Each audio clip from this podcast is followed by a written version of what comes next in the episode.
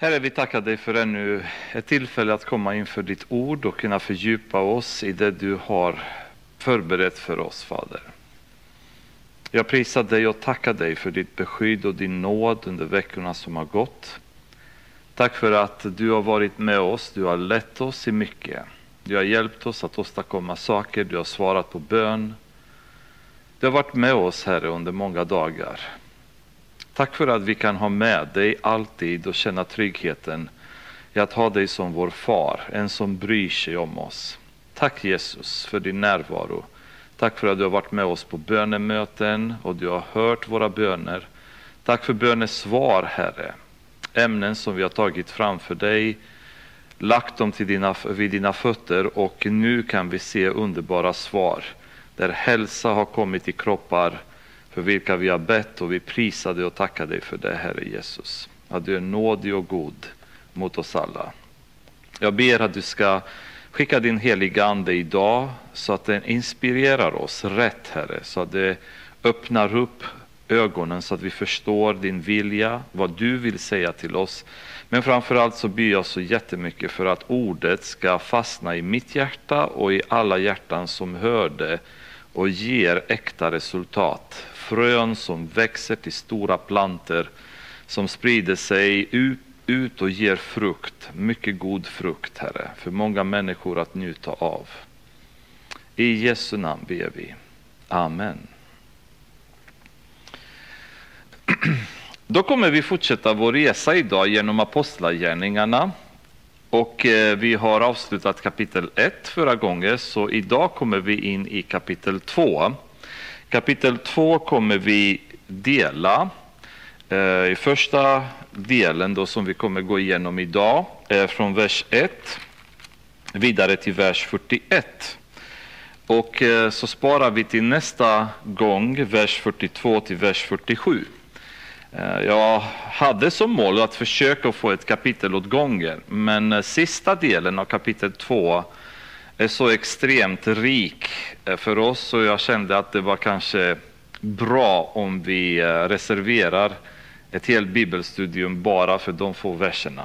Jag skulle uppmana er också att gärna läsa genom Apostlagärningarna i förtid så att ni vet sammanhanget av det vi pratar om. Eh, gärna, som jag nämnde förut, läs evangelierna för att få en god bakgrund till apostlagärningarna.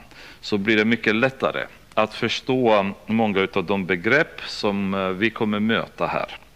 Men idag så kommer vi till ett kapitel som är väldigt känd eh, bland kristna.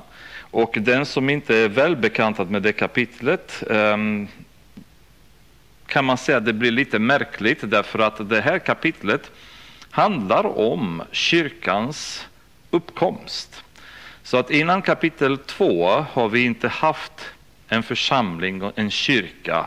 Eh, och ordet för kyrka eh, på grekiska är eklesia, vilket betyder samling. Så eh, innan det, det här kapitlet så har vi haft en samling människor men inte en samling som var i heliga anden.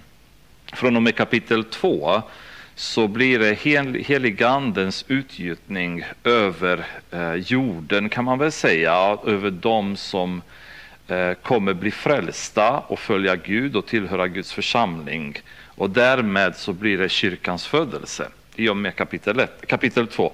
Så det är väldigt viktigt kapitel för oss um, ur kyrkohistorisk synpunkt, men också för att kunna identifiera oss med vad kyrkan handlar om. Vad är en församling? Um, och det vi kommer göra är att försöka titta noga på det här kapitlet, som vi brukar göra vers för vers, stanna och analysera så bra vi bara kan och se om vi kan få fram det Gud vill säga till oss från det här kapitlet. Och vi kan börja läsa med vers 1. När pingstdagen hade kommit var de alla samlade. Pingstdagen var femtionde dagen efter påsken och det var eh, den andra av de tre stora högtiderna som judarna firade. Så det var en jättestor högtid då människor flockades från hela världen till Jerusalem. Eh, det var en slags skördefest då för dem. Ehm, och spännande och viktig dag kan man säga för judarna. Ett, en, en, dag av glädje, en dag av, en dag av firande då ehm, folk från hela världen som var judisk ursprung, men också proselyter, det vill säga sådana som inte hade varit födda judar men hade anammat den judiska religionen och blivit en del av det. Alla dessa försökte gärna att komma till Jerusalem för att fira pingstdagen. Eh, och likväl ehm, människorna som var där så var alla samlade och då är det frågan vilka alla menas det här? Och det finns olika ehm, tankar kring det om det är de 120 personerna som det pratas om i kapitel eh, 1, vers 15 eller om det pratas om de personer som eh, man refererade till innan dess, det vill säga apostlarna, eh, Maria, Jesu mor, hans bröder. Eller vilka är det exakt? Eller bara de tolv apostlarna? Därför att i vers 14 så, så står det att då trädde Petrus fram tillsammans med de elva och tog till orda. Så det kan finnas en uppfattning att det var bara de tolv apostlarna som var samlade där, eller så var hela den trogna skaran som hade hållit ihop efter Jesus hade stigit upp till himlen. Men vi vet inte helt enkelt, utan eh, det kan finnas både och. Ehm, men eh, hur många det var kanske har inte jättestor betydelse, men de var samlade. Vi vet att de tolv apostlarna i alla fall fanns på plats vid det här tillfället och eh, var tillsammans så som de brukade vara. Så när pingstdagen hade kommit var de alla samlade. Då kom plötsligt från himlen ett dån som när en våldsam storm drar fram. Och det fyllde hela huset där de satt. Tungor som av eld visade sig för dem och fördelade sig och satte sig på var och en av dem. Och de uppfylldes av den helige Anden och började tala främmande språk allt eftersom Anden ingav dem att tala. Så det här blir ett väldigt häftigt fenomen därför att eh, vi ser flera mirakulösa händelser inträffa samtidigt. Då. Först så kom det denna enorma dånet som av, ett våldsamt, eh, av en våldsam storm och vi kanske i Sverige har varit med om ett antal riktiga häftiga stormar genom åren då. Eh, men föreställ er de här tiderna när hela naturen skälver, när en tornado skulle slå mot e- ett område. Alltså ett, en, ett väldigt stort dån som hördes, kommer vi se senare, ehm, över hela staden. Då, så att folk hörde det här ljudet. Men det intressanta var att det här ljudet fyllde huset där de var. Så det var inte något ljud som var spritt överallt runt om i staden utan var koncentrerat till det huset där de befann sig. Eh, vi vet inte vilket hus det var. Vissa tror att det kan ha varit templet eller var det något hus som de samlades i. Det vet vi inte, men återigen, jag vet inte om det har jättestor betydelse. Jag försöker oftast att inte spekulera så mycket kring sånt som inte är angivet tydligt i Bibeln. Då. Eftersom eh, människan har oftast en tendens att från spekulationer bygga sanningar och från påtalade sanningar bygga plötsligt en religion.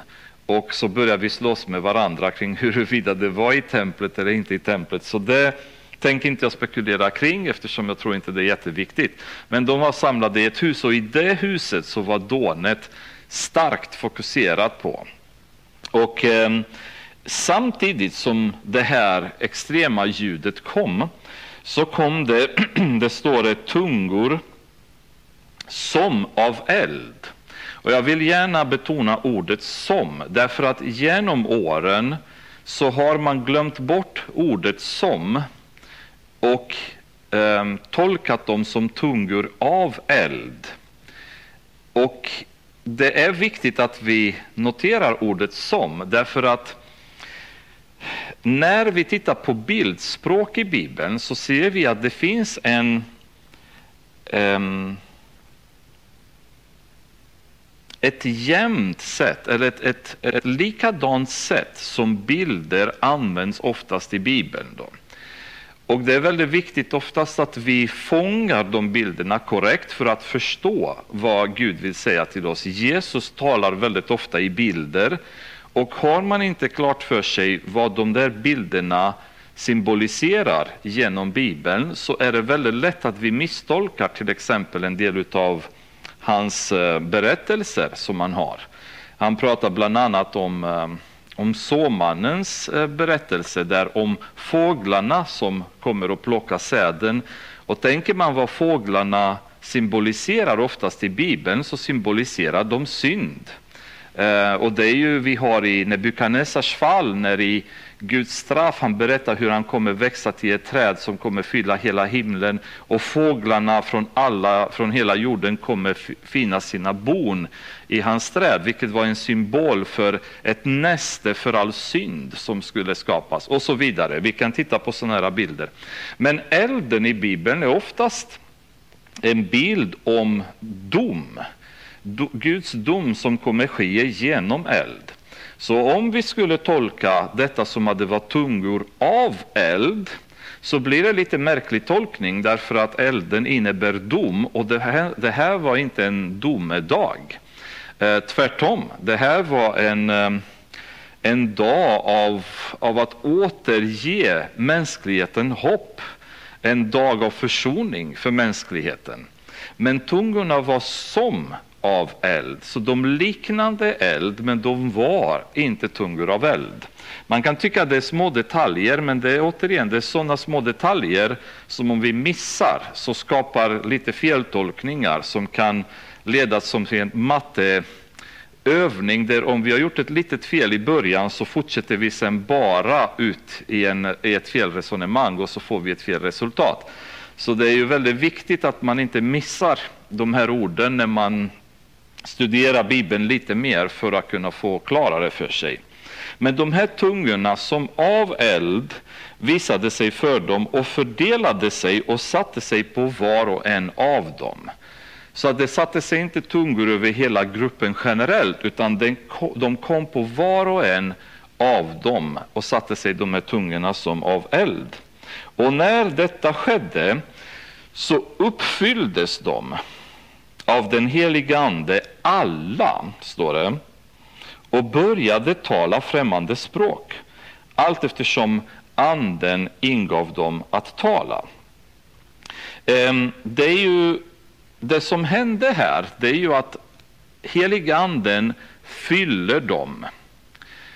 När Jesus pratade med dem i eh, Johannesbrevet 14 kapitel, vers 16 och 17, då sade Jesus till lärjungarna att heliganden kommer att vara i dem och heliganden kommer att vara hos dem. Så att heliganden kommer bo i dem samtidigt som heliganden kommer vara hos dem, vara med dem hela tiden. Och i um, kapitel 1 i Apostlagärningarna, vers 8, så talar Jesus om för dem att heliganden kommer att ge dem kraft.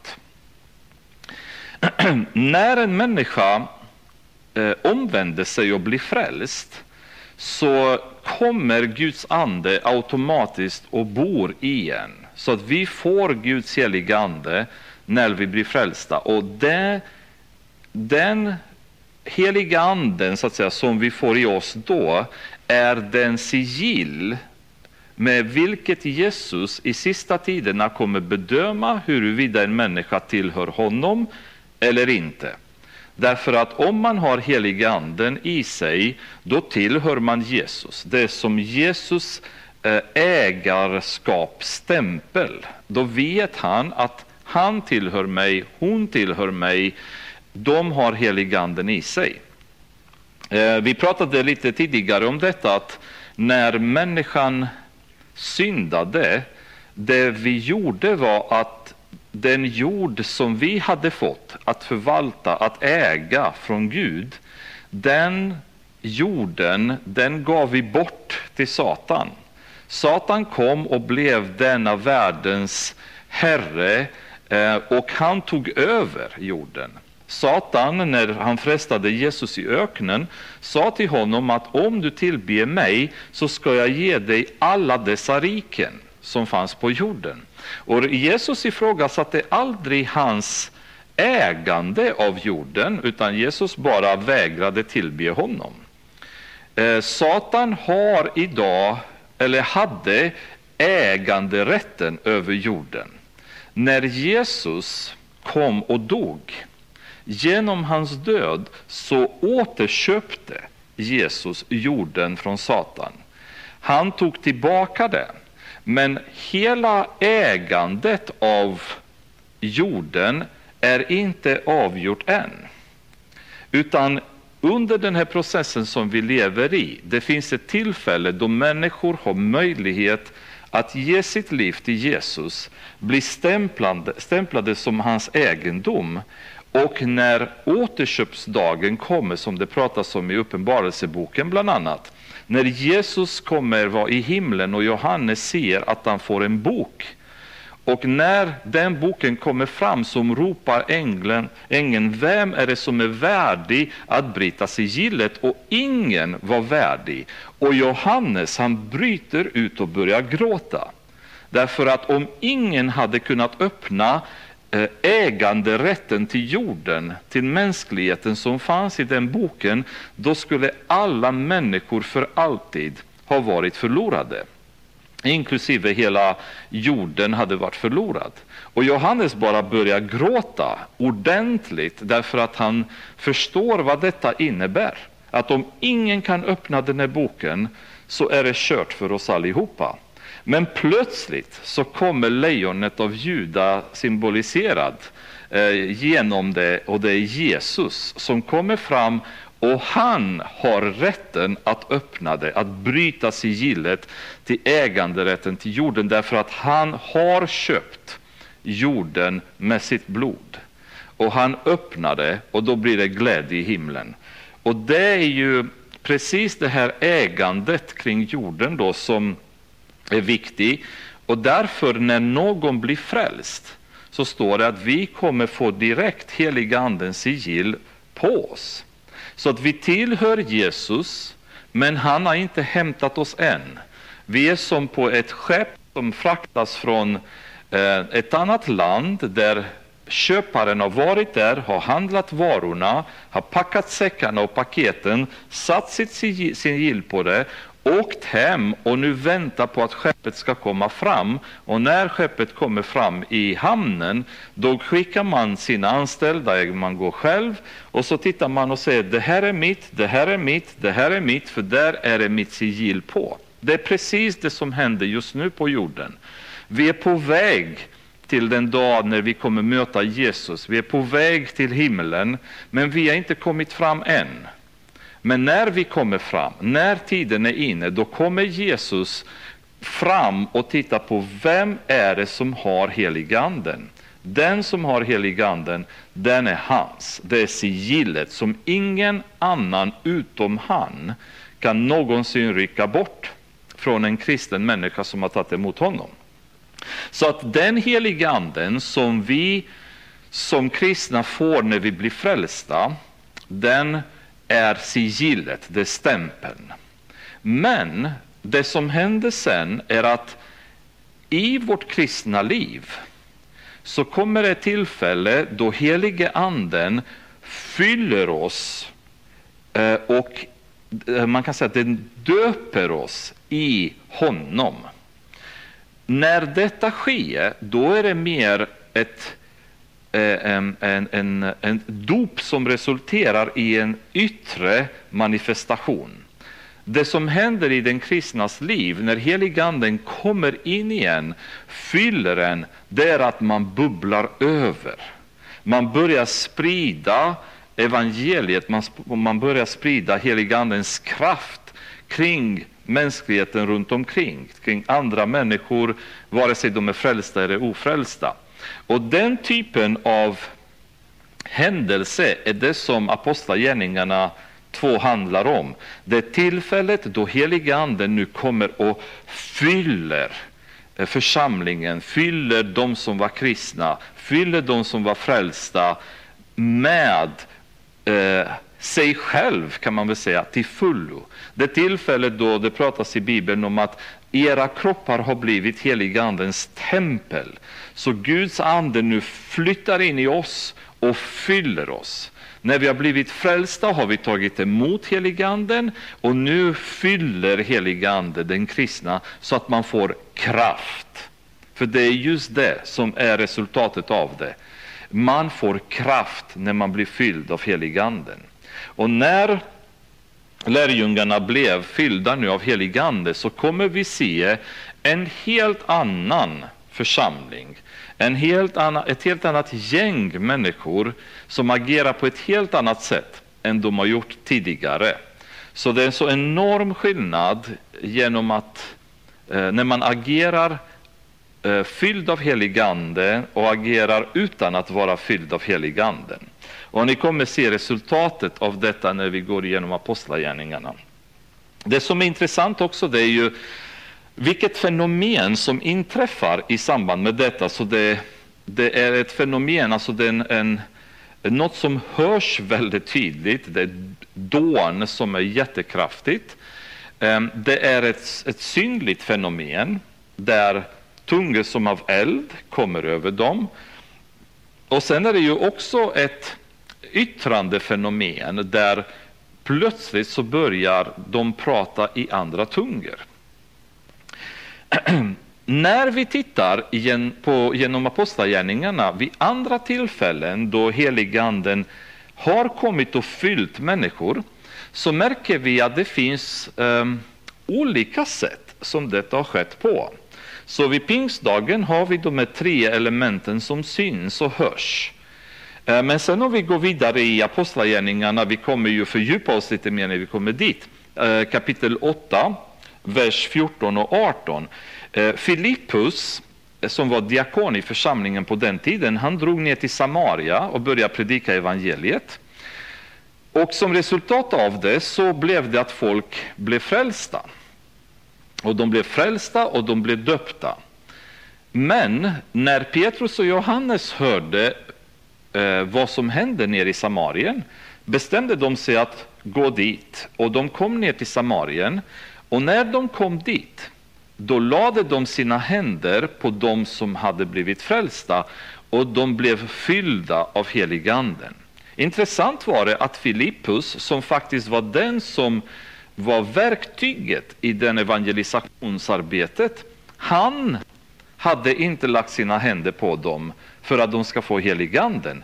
Um, ehm, troligen så hade Filippus inte den auktoriteten eller den kraften som behövdes för att förmedla heliganden till människorna, utan Petrus och Johannes fick gå ner själva, eh, möta dem i Samarien, lägga sina händer på folk och de fick heliganden. Intressant aspekt, därför att det var egentligen Filippus som har varit drivande i hela den kampanjen.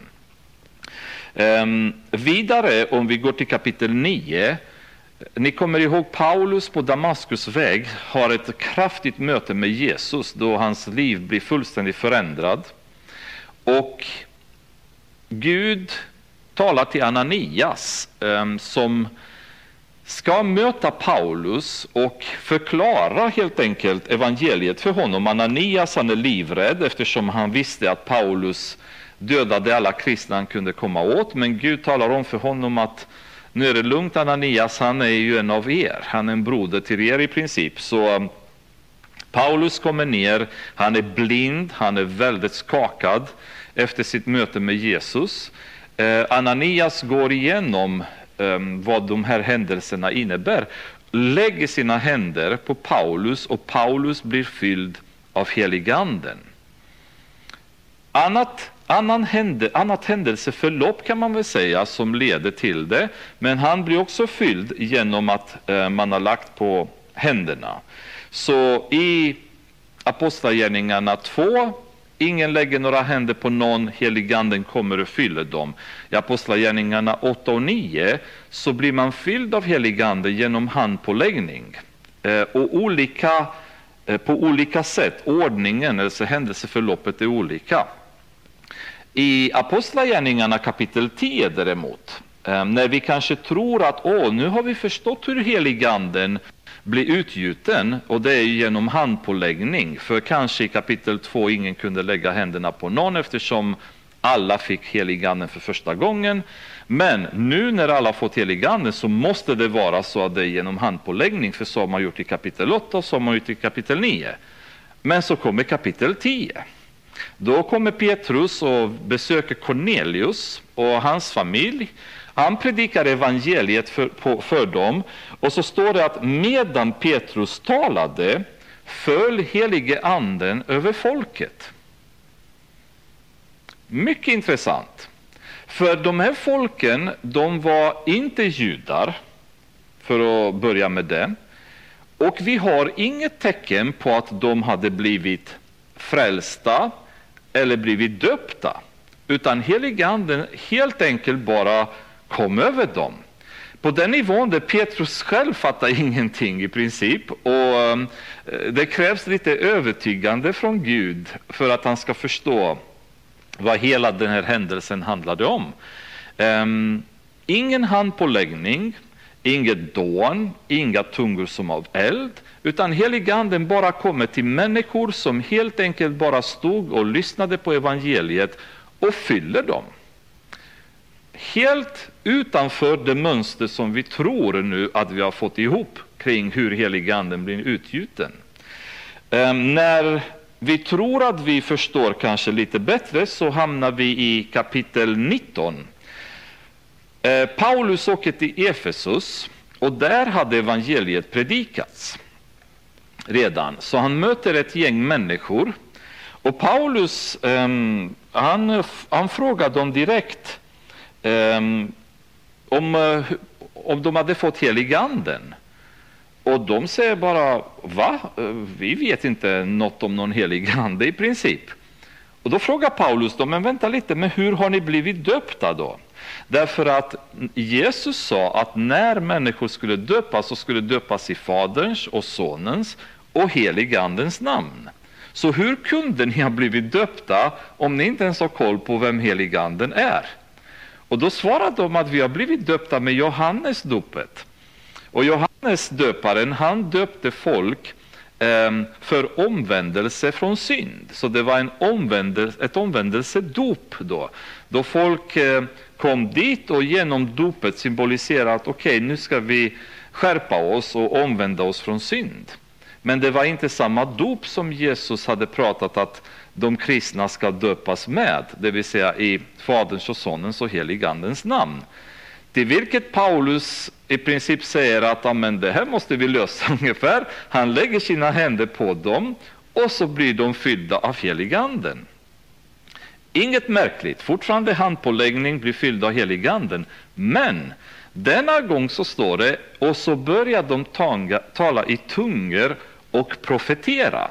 Nu kommer ett nytt element som resultat av heligandens utgjutning och det är inte bara tungotal utan det är profetia. Nu är ordet profetoo betyder att tala ut. Så att de profeterade innebär inte nödvändigtvis att de förutsåg framtiden som vi kanske tänker idag, utan att de uttryckte och talade ut eh, saker om Gud, predikade kan man väl säga helt plötsligt. Så människor som var inte utbildade, kanske inga predikanter, inga läsare av Guds ord, plötsligt ur ingenstans börja prata om Gud som att de kunde Bibeln ut och in. Det brukade vara den effekten då. Så en ny händelse som dyker upp i samband med heligandens utnyttjning, det är att folk börjar tala ut, de börjar prata evangeliet helt enkelt, prata om Gud. Samma situation inträffade i Gamla testamentet i Första Samuel eh, kapitel 10, vers 10 då Guds ande föll över Saul och då började Saul profetera till den nivån där folk tittade på honom och sa är Saul någon av profeterna? För ni ska förstå, på den tiden så var det inte så att folk hade biblar hemma, de satt och läste och kunde diskutera och prata om Gud, precis som vi kunde göra idag. Utan då var det ju människor i, i, bland folket som var Guds tjänare och det var ju prästerna och det var profeterna. Sen vanligt folk, de hade inte jättekoll på Bibeln eller kunde uttrycka predikningar så som de lärda kunde eller profeterna. Så att plötsligt en person som, Paul, som Saul som var inte påläst, han var inte profet, han var inte präst, plötsligt med skarphet börjar predika Guds ord till folket, då blir de chockade. Hur kommer det sig? Han är ju ingen profet, eller är han en av profeterna? Men det berodde på att helige anden hade kommit över honom och fyllt honom.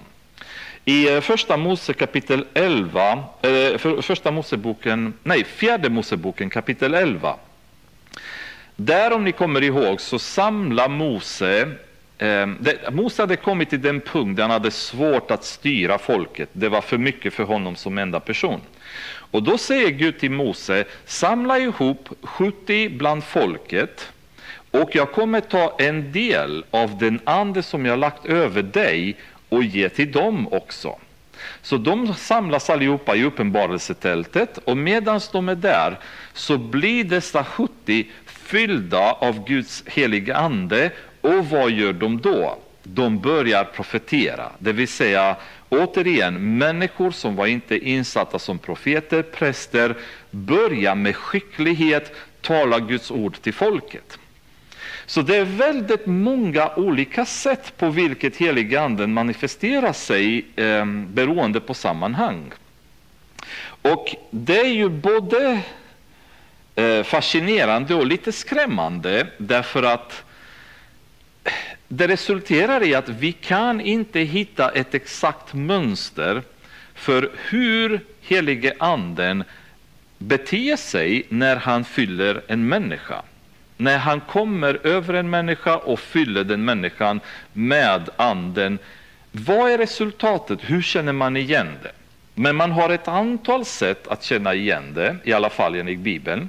Men det vi ser från de här berättelserna är att när heliga anden fyller en människa så blir den människan frimodig och man pratar om Gud och kan även få ett tungotal. En gåva av att tala i en annan, ett annat mål, ett annat tungomål eh, som man inte hade innan. Det kan vi i alla fall få fram som eh, olika typer av manifestationer. I kapitel 10 så står det inte att någon profeterade och det står inte att någon talade i tungor, men det står att helige anden fyllde dem. Um, i eh, Gamla testamentet så profeterade de bara, men inte talade i tungor. Medan i andra tillfällen i Nya testamentet så får vi både och, eller den ena. Så ehm, det vi kan konstatera ur det är att Gud verkar inte vilja att vi kan placera honom, honom i ett mönster. Heliganden vill bestämma själv hur och när och på vilket sätt han väljer att fylla en människa. Och Det tror jag att vi behöver vara väldigt ödmjuka kring då som kristna så att vi inte utesluter en helig andens manifestation bara för att det inte passar vår pingstteori. För inom pingst och karismatisk rörelse så har man under många år trott att att vara fylld med helig anden innebär att man talar i tungor.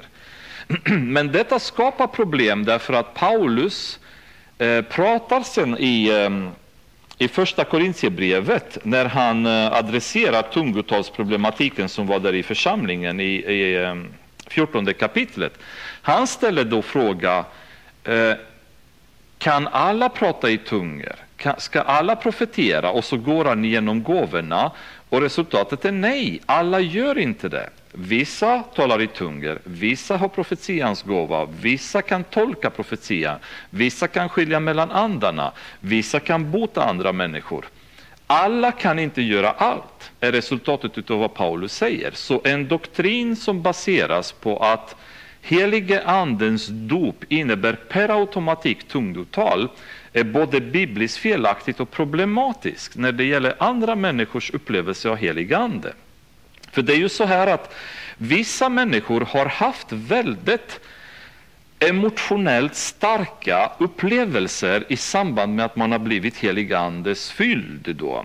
Att, um, de har känt en värme som har strömmat genom hela kroppen. De har börjat tala i tungor helt plötsligt.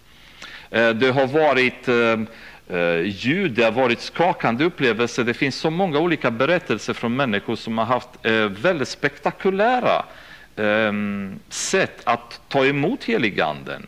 Och jag tror att många av dessa är fullt ärliga och jag har ehm, eh, ingen som helst anledning att betvivla det. Men det blir alltså lika inspirerande som det är att höra av andras upplevelser av Gud, så finns det också en fara i det, därför att då kan någon potentiellt tro att jag måste uppleva en ström genom kroppen när jag får heliganden. Jag måste tala i tungor när jag får heliganden och så vidare.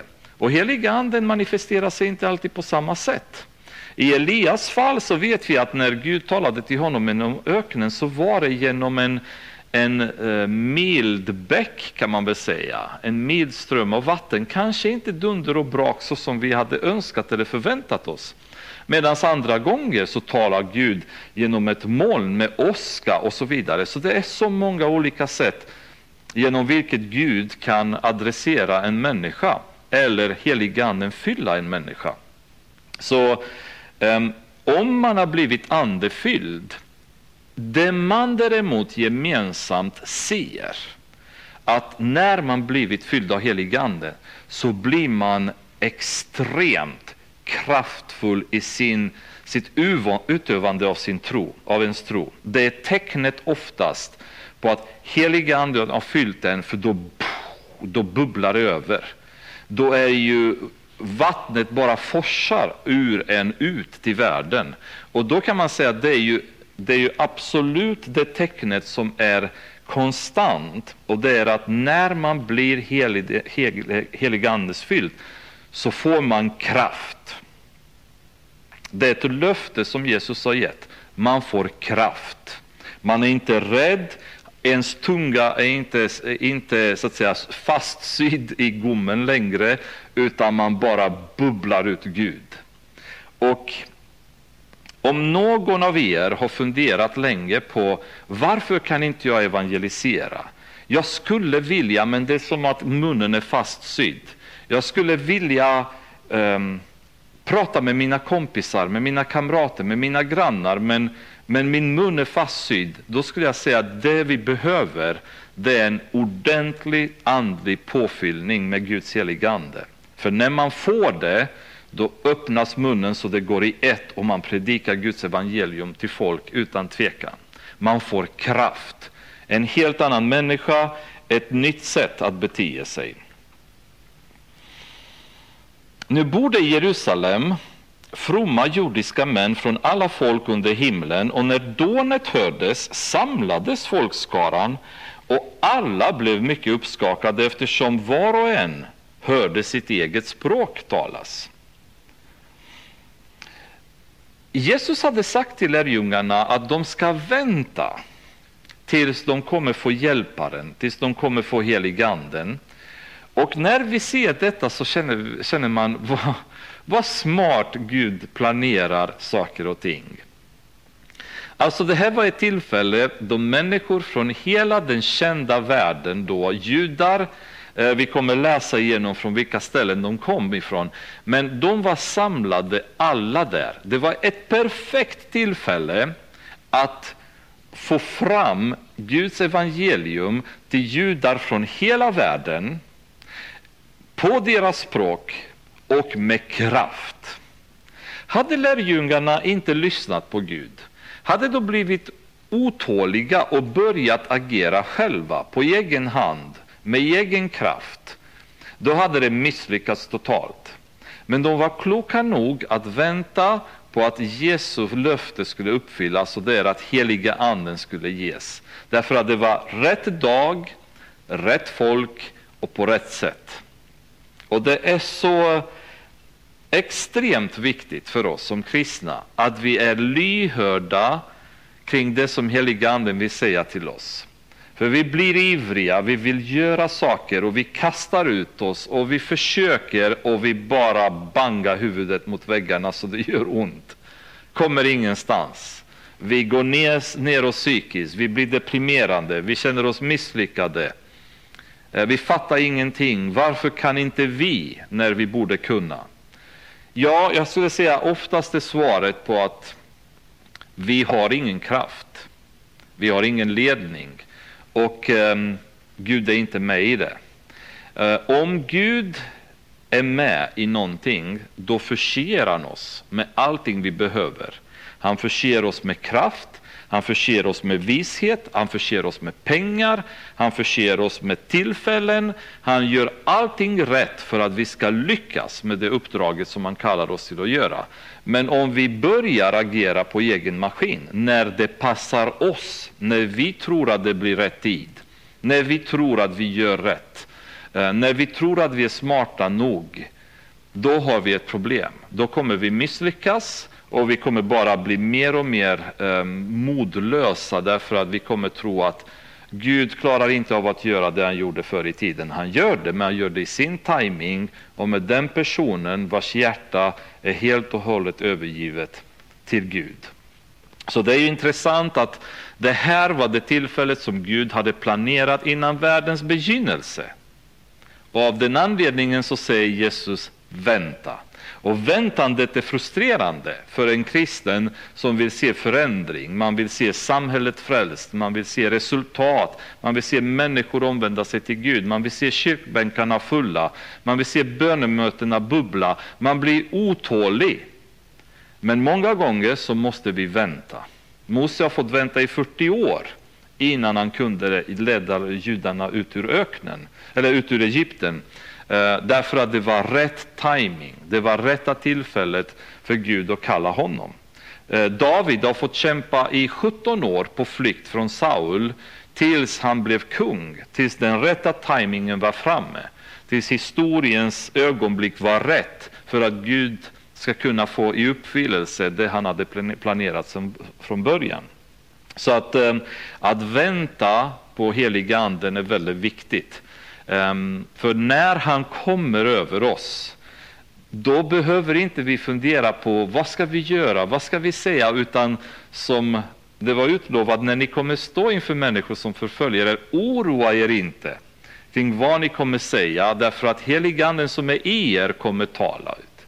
Och det är ju det som är så lätt då behöver inte jag stressa, då behöver inte jag eh, bli ångestladdad, utan då följer jag bara heliganden. Han sköter allt. Jag är bara en kanal genom vilken han talar och utför saker. Och det var rätta tillfället, alla var samlade där. Dånet var så starkt så det lockade alla på plats. Och häpna och förundrade sade de, är de inte galileer, alla dessa som talar? Hur kan då var och en av oss höra sitt eget modersmål. Vi som är parter, meder eller elamiter. Alltså, eh, mederna var ju bortåt, eh, säg dagens... Eh, en del av ryska republikerna kan man väl säga, delar av Irak, eh, norra Iran, där befann sig mederna. Um, Parterna var lite mer kan man säga, västerut därifrån. Eh, elamiter, det var nuvarande Iran-trakterna. Vi som bor i Mesopotamien, det är i Irak, delar av Syrien, eh, de delarna av, av eh, Mellanöstern. Judien Judeen eller Kappadokien i Pontus eller Asien i Frigien eller Pamfilien. Um, Kappadokien, Pontus, Asien, Frigien och Pamfilien, det var delar av nuvarande Turkiet kan man väl säga. Så det var de trakterna, Egypten eller Libyen och Sirene eller inflyttande främlingar från Rom. Så hela vägen bortåt Libyen, Egypten, romare. Vi som är judar eller proselyter, kretenser, så från Kreta, eller araber från arabiska områdena där. Så att man säger mer eller mindre ett enormt upptagningsområde under en tid när det inte fanns flygplan och snabba tåg och bilar. Så det var ett jätteföretag för de här människorna att komma till Jerusalem och vid det här tillfället så planerade Gud att chockera dem med en manifestation som de aldrig, aldrig sett något liknande. Väldigt spännande. Vi hör dem tala på vårt eget språk om Guds väldiga gärningar.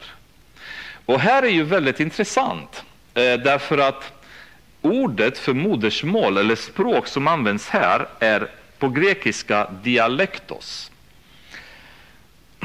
Vilket gör det ännu mer spännande, därför att de här människorna talar inte hebreiska, utan de talar sina egna språk. Det är ju som idag, man har många judar till exempel som bor i Sverige eller andra länder i Europa och så vidare, och de talar svenska. Det är nästan ingen av dem som talar hebreiska eller jiddisch för den delen som de talar idag. Utan oftast när de emigrerar till Jerusalem så måste många av dem gå hebreiska skolor därför att de kan inte språket. Och det var samma sak här, att det var ju, de var ju från alla dessa delar av världen och de pratade persiska och latin och arabiska och så vidare och så kommer de dit och det de hörde inte bara deras modersmål, det vill säga de hör inte bara latin de hör inte bara arabiska, utan de hör sin egna dialekt i de modersmålen. Så det är ungefär som här i Sverige så skulle man inte bara höra svenska, utan plötsligt så skulle lärjungarna prata ren gotländska, ren skånska, ren dalmål. Um, och då blir man nästan ännu mer chockad. Alltså man kanske kunde köpa att de pratade svenska, men att prata skånska som att man skulle vara, eh, inte vet jag, född i Malmö eller Trelleborg eller gotländska för den delen, eller halländska eller vad som helst. Tidaholm, västgötska. Alltså hur chockad skulle man inte bli då? Det, gör, det, det, det höjer det till en helt annan dimension. De pratade deras dialekter. Och det är häftigt kan man säga. Då förstår jag att de här människorna var helt chockade eftersom de visste att det här var galileer det handlade om. En stockholmare, det kvittar hur mycket han skulle försöka att prata skånska idag, det går bara inte. Du kan inte fejka ren skånska om du bor i Stockholm, lika lite som eh, en tidaholmare skulle kunna prata ren göteborgska. Liksom. Det går bara inte. Ehm, och ändå så lyckades lärjungarna göra det. Så det var så otroligt stort mirakel utöver de eh, naturfenomen som man skulle kunna kalla dem, dån och tungorna som av eld. Men att sen kunna prata deras språk till perfektion, deras dialekter, det var väldigt häftigt. Och det som jag skulle vilja stanna till här, det är att vi, de säger vi hör dem tala på vårt eget språk om Guds väldiga gärningar. Och det här är väldigt spännande. Därför att när Paulus adresserar problemet som fanns i Korint kring missbruk av bland annat tungotal. Han säger till dem att den som talar i tungor talar till Gud och inte till människan, medan den som profeterar talar till människan. Och Det här är någonting som den karismatiska rörelsen genom åren verkar ha missat. Att tungotalet är ett uttryck från människan till Gud. Liksom här, vi hör dem tala i tungor om Guds väldiga gärningar. Det är liksom underbara saker om Gud. Det är inte profetier till oss, utan det är saker om Gud. Man prisar Gud, man ger honom ära, man påpekar det han har gjort, man påpekar hans storlek förmodligen och så vidare. Så det är ett sätt för anden i oss att tala till Gud. Ett uttryck från heliganden inom oss som talar till Gud. Det är inte en profetia som kommer från Gud till människor, utan det är ett uttryck från oss till Gud. Det är vad tungotalet handlar om. Av den anledningen så pratar Paulus om vikten av tungotal för egen uppbyggelse.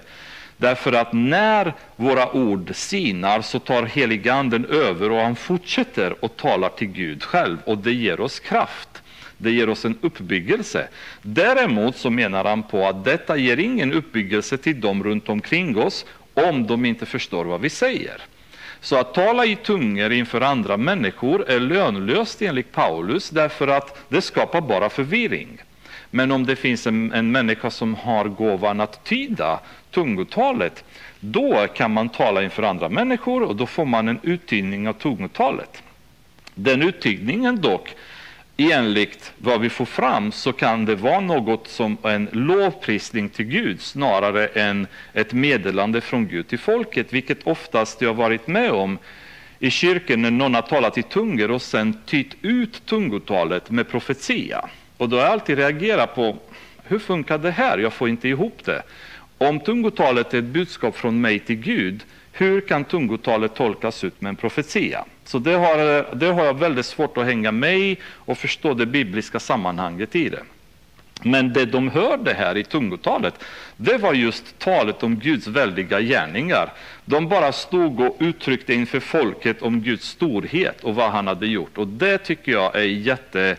Um, redan från början ett tydligt bevis på hur tungotalet fungerar. Och i det här fallet så var det ett tungotal som alla som var där hörde och förstod. Då. Men då vet vi från, om vi läser Korintierbrevet, att det finns situationer när man kan prata i tungor i en, ett sammanhang där ingen förstår tungotalet. Så jag vänder mig också mot dem som är kritiska mot tungotalet och menar på att om du inte talar ett språk som de som hör det förstår, då är det inte rätt. För enligt Korintierbrevet så kan det gå att tala i tungor i ett sammanhang där ingen förstår tungotalet. Och därför har Gud gett eh, gåvan att tyda ut tungorna hos andra kristna. Så att när man talar i ett sammanhang, i ett tungomål som ingen förstår, då finns det en uttydare som kan sen översätta helt enkelt budskapet så alla kan bli eh, uppbyggda. Och finns det ingen sån, då behövde man inte pr prata i tungor inför andra utan bara mellan sig själv och Gud. Då. Så eh, uppenbarligen så det här var ett tillfälle då tungotalet var förståeligt för de som var där, men jag tror det finns situationer när man talar i tungor och ingen fattar någonting så länge det inte finns någon som kan tyda ut tungorna. Då. Um, väldigt spännande i alla fall. Vi skulle kunna fördjupa oss mer, men man kanske kommer senare någon gång till ett mer bibelstudium om just detta. Men de deklarerade i alla fall Guds väldiga gärningar för folket. De var alla mycket häpna och förvirrade och frågade varandra vad kan detta betyda? Men andra sade hånfullt, de har druckit sig fulla av sött vin. Då trädde Petrus fram tillsammans med de elva, så nu vet vi att de tolv i alla fall fanns på plats, och tog till orda och talade till dem. Ni judiska män och alla ni som bor i Jerusalem, detta bör ni veta och lyssna nu på mina ord. Det är inte som ni tror att dessa är berusade. Det är ju bara tredje timmen på dagen, så klockan nio på morgonen kan man säga. Nej, det är detta som är sagt genom profeten Joel. Och detta ska ske i de sista dagarna, säger Gud. Jag ska utgjuta av min ande över allt kött. Era söner och era döttrar ska profetera, era unga män ska se syner och era gamla män ska ha drömmar. Ja, över mina tjänare och tjänarinnor ska jag i de dagarna utgjuta av min ande och de ska profetera. Jag ska låta under synas uppe på himlen och tecken nere på jorden, blod, eld och rök. Solen ska vändas i mörker och månen i blod innan Herrens dag kommer, den stora och härliga, och de ska, det ska ske att var och en som åkallar Herrens namn ska bli frälst. Det här är väldigt intressant därför att i många år så har man eh, sett den här profetian som uppfylld nu i Apostlagärningarna kapitel 2. Men så är inte fallet. Det Petrus säger att det som händer här och nu, det är så som profeten Joel har profeterat. Men profetian som Joel och sen också Sakarias har bland annat, det handlar om sista tiderna. Eh, för om vi läser vidare där i vers eh, 19 det står jag ska låta under synas uppe på himlen, tecken ner på jorden, blod, eld och rök. Solen ska vändas i mörker och månen i blod innan Herrens dag kommer. Och Herrens dag vet vi är alltid i referens med sista tiderna, innan sista så att säga, uppgörelsen görs med jorden. Ehm, så att Joel profeterar om sista tiderna, men Petrus fångar det och säger det är på samma sätt som det som Joel profeterar om, det som händer idag. Han säger inte att det här är en uppfyllelse av den profetian, utan det är på samma sätt. Det är så som profeten Joel har profeterat. Um, och Det är ju bra att ha det i tankarna eftersom annars blir det lite konstig tolkning att få Herrens dag att matcha pingstdagen, därför att Herrens dag är alltid i referens med sista tiderna. Israeliter lyssnade till dessa ord. Jesus från Nasaret var en man som Gud bekände sig till inför er genom kraftgärningar, under och tecken som Gud genom honom utförde mitt ibland er, så som ni själva vet. Han refererar direkt till Jesus från Nasaret. Det oftast gjorde de det. De sa i Jesu Nazariens namn Därför att det fanns jättemånga som hette Jesus på den tiden. Så de försöker hela tiden att konkretisera vem det handlar om, så att folk verkligen begriper. Och Det är lite så som vi kanske behöver göra idag, ibland när vi talar med människor. För om vi pratar med människor om Gud, så är samhällets uppfattning av vem Gud är idag så fullständigt förvirrad. Så för den ena kan Gud innebära någon slags eh, elektricitet i rymden, för en, an, för en annan kan Gud innebära Allah, för en tredje kan Gud innebära någon slags nirvana-ställning där man kommer upp i och så vidare. Så vi måste alltid konkretisera för världen, vem pratar vi om? Bibelns Gud eller konkretisera med Jesus. Det är då folk oftast blir väldigt eh, obekväma om ni har märkt när ni pratar. Ni kan prata om Gud och folk hänger med och lyssnar. Men så fort vi nämner namnet Jesus, då börjar de bli obekväma. Då, låter det, då skramlar det i deras ögon på ett farligt sätt.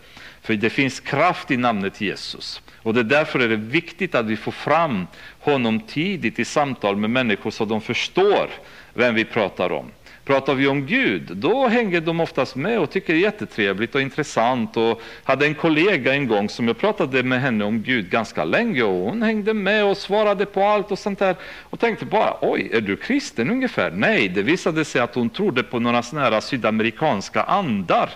Och för henne var ju det som var Gud. Så det tog mig ganska bra tag att förstå att Uh, vänta lite, det är inte samma Gud hon fattar när jag pratar om Gud då. Men får man fram Jesus i konversationen, då blir folk eh, lite obekvämare, för Jesus är en mycket mer konkret definition av vad som förväntas av människan. Så eh, samma sak här, Petrus han refererar till Jesus från Nasaret, så det inte blir någon slags missuppfattning om vem han pratade om. Och då säger han till dem att ni har ju sett alla dessa under och tecken som Gud har gjort genom honom. Han har levt bland er, ni har varit med om det. Efter Guds fastställda plan och beslut blev han utlämnad och med hjälp av dem som är utan lagen, det vill säga romarna, spikade ni fast honom på korset och dödade honom. Men honom har Gud uppväckt och löst ur dödens vånda eftersom det inte var möjligt att han skulle behållas av döden. David säger med tanke på honom, jag har alltid Herren för ögonen han står på min högra sidan för att jag inte ska vackla. Därför glädjer sig mitt hjärta och jublar min tunga. Ja, också min kropp ska vila i det hoppet att du inte ska lämna mig i graven eller låta din helige se förgängelsen. Du har visat mig livets vägar och du ska uppfylla mig med glädje inför ditt ansikte. Mina bröder, jag får väl öppet säga er att vår stamfader David är både död och begraven. Hans grav finns ibland oss än idag. Faktum är att det var inte långt därifrån där Davids grav är, där de stod nu och pratade. Han var profet och visste att Gud med ed hade lovat att sätta någon av hans ättlingar på hans tron. I förväg såg han Kristi uppståndelse och sade, han ska inte lämnas kvar i graven och hans kropp ska inte se förgängelsen. Det är denne Jesus som Gud har uppväckt och vi är alla vittnen till det.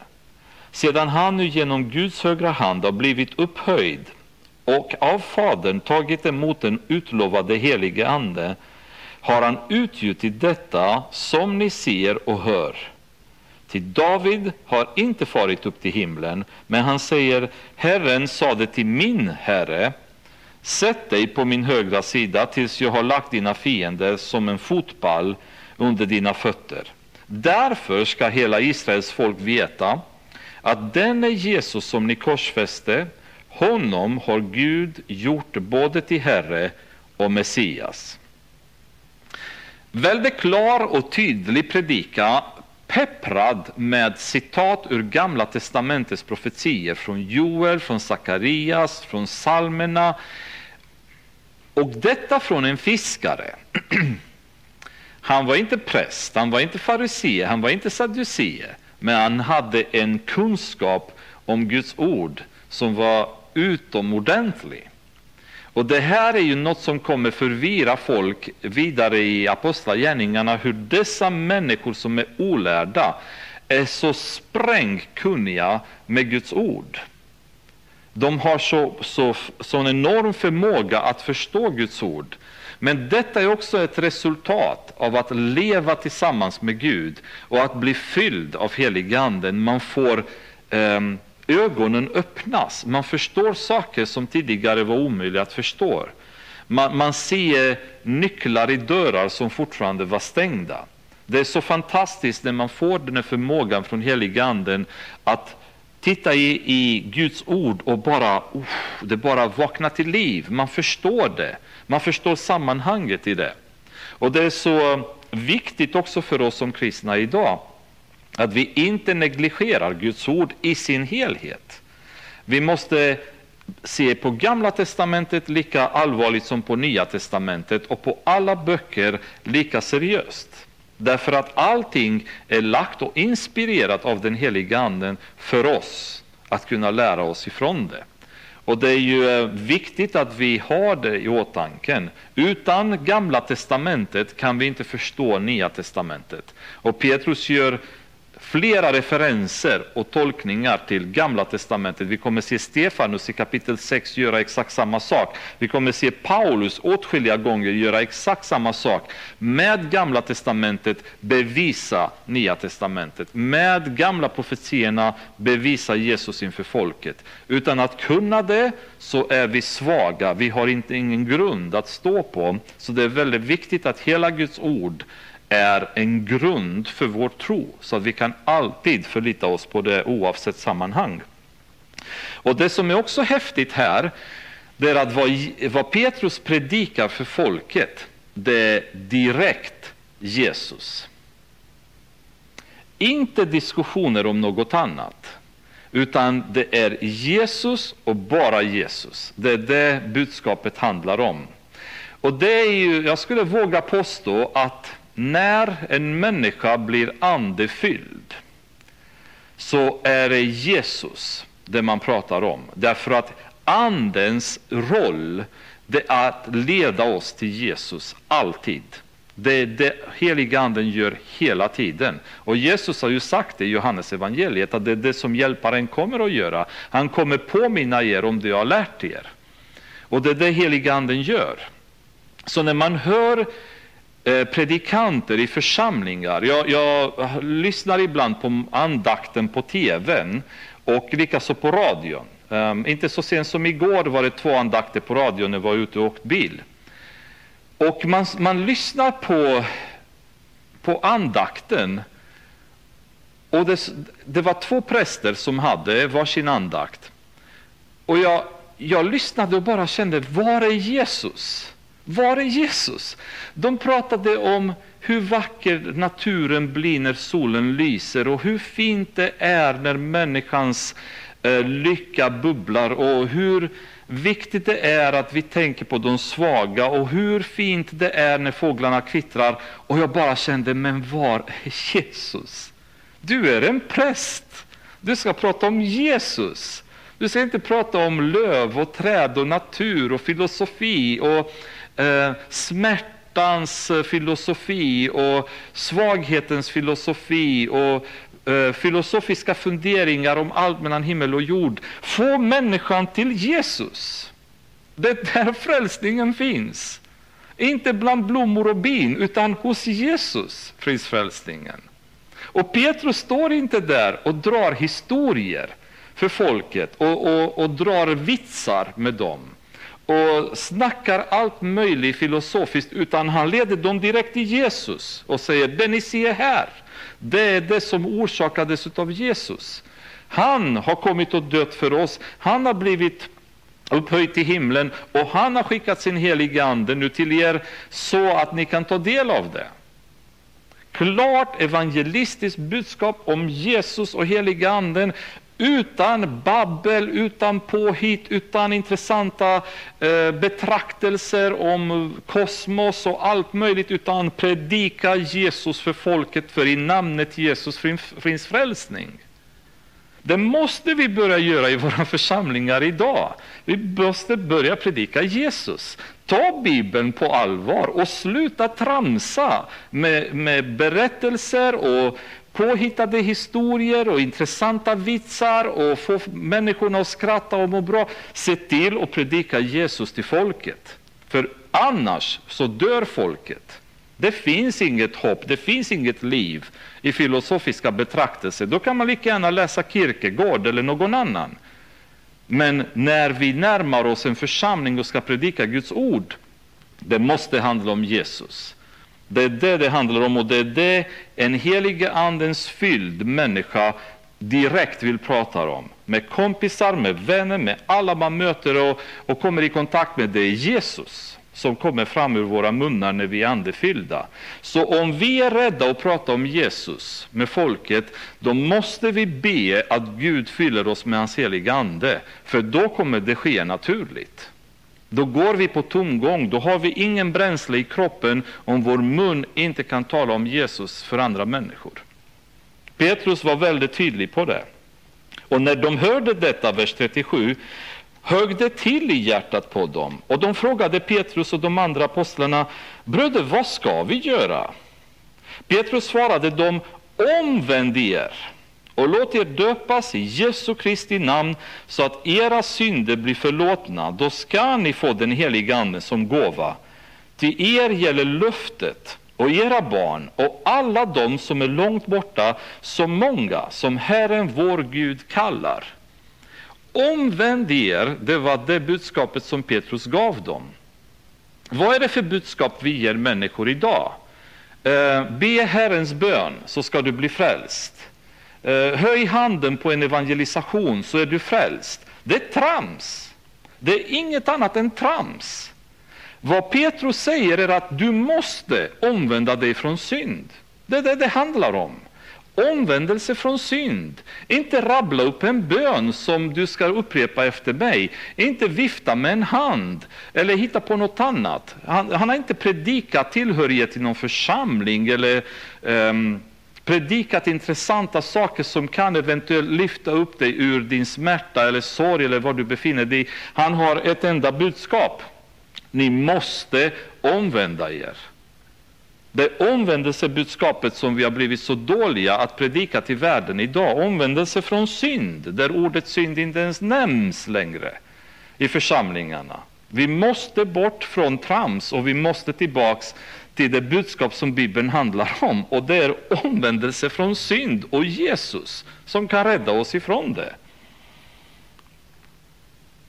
Också med många andra ord vittnade han och uppmanade dem, låt er frälsa från detta bortvända släkte. Han gick direkt till dem och sa, det, det, ni lever i ett släkte som har vänt sig ifrån Gud, ni måste vända er från det. Omvänd er från detta tydligt budskap. Och resultatet av det är att de som då tog emot hans ord döptes och så ökade antalet lärjungar den dagen med omkring 3000. Evangeliets predikan i heligandens kraft leder till väckelse. Tveklöst, alltid.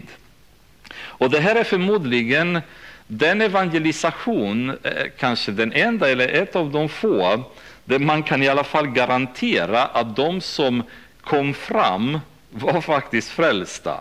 För annars har evangelisterna en väldigt bra tendens att säga åh, det var en evangelistisk samling där och 15 000 människor blev frälsta. Och sen bara, var är de? Eh, I församlingarna är de inte. Var tog de vägen? Men man har skrivit i statistiken, lite lättare att dra lite bidrag till sin evangelistiska kampanj när man talar om hur många människor som har blivit frälsta.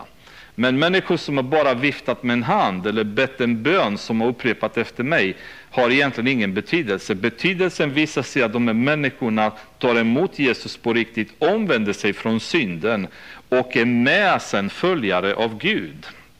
Och en, eh, Johannes säger bland annat att, eh, förlåt, Jakob säger att även änglarna tror, eller förlåt, demonerna tror och de är rädda.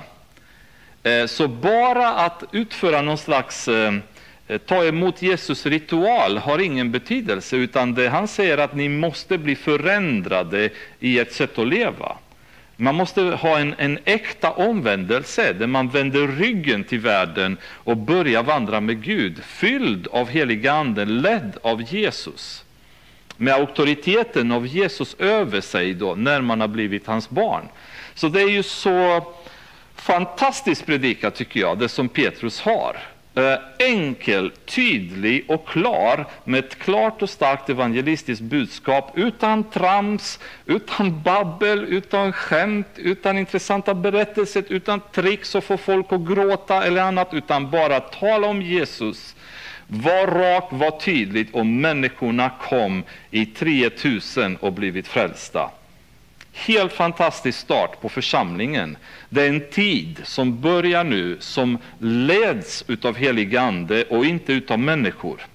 Där helig ande nu, som det stod i början, alla talade så som anden hade gett dem att tala.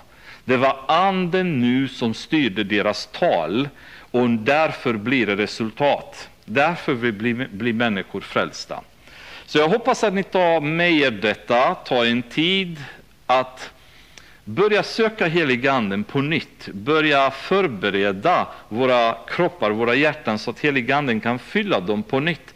För det är det vi har att vänta på när det sker. Det behöver inte ske på det här sättet, det kommer bli garanterat i en annan form.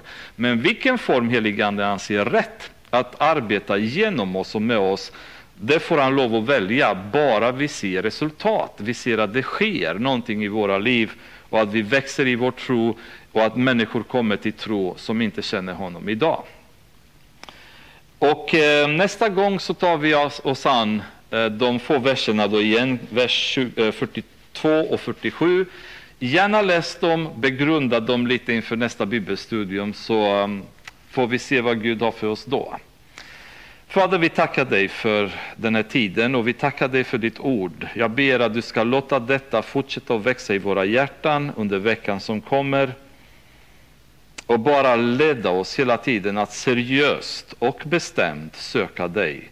Helige Ande, vi behöver dig så desperat i våra liv så att vi ser livet strömma tillbaks till församlingarna, Herre. Strömma tillbaks med glädje, med sur av entusiasm för dig, där våra munnar inte kan vara stängda längre. Och när de öppnas så är det Jesus som kommer ut till människorna och till varandra. Och låt Herre Jesus, ditt ord vara på våra hjärtan. Var med i våra tankar, i våra ord, i allting vi gör, Herre. Du är det, den som vi älskar så mycket. Du är vår brudgum, vi är din brud och vi vill bara vibrera av kärlek för dig. Varför ska vi prata om så mycket annat än dig, Herre? Fyll oss med din heliga Ande, ber jag, Herre, i ditt underbara namn. Amen.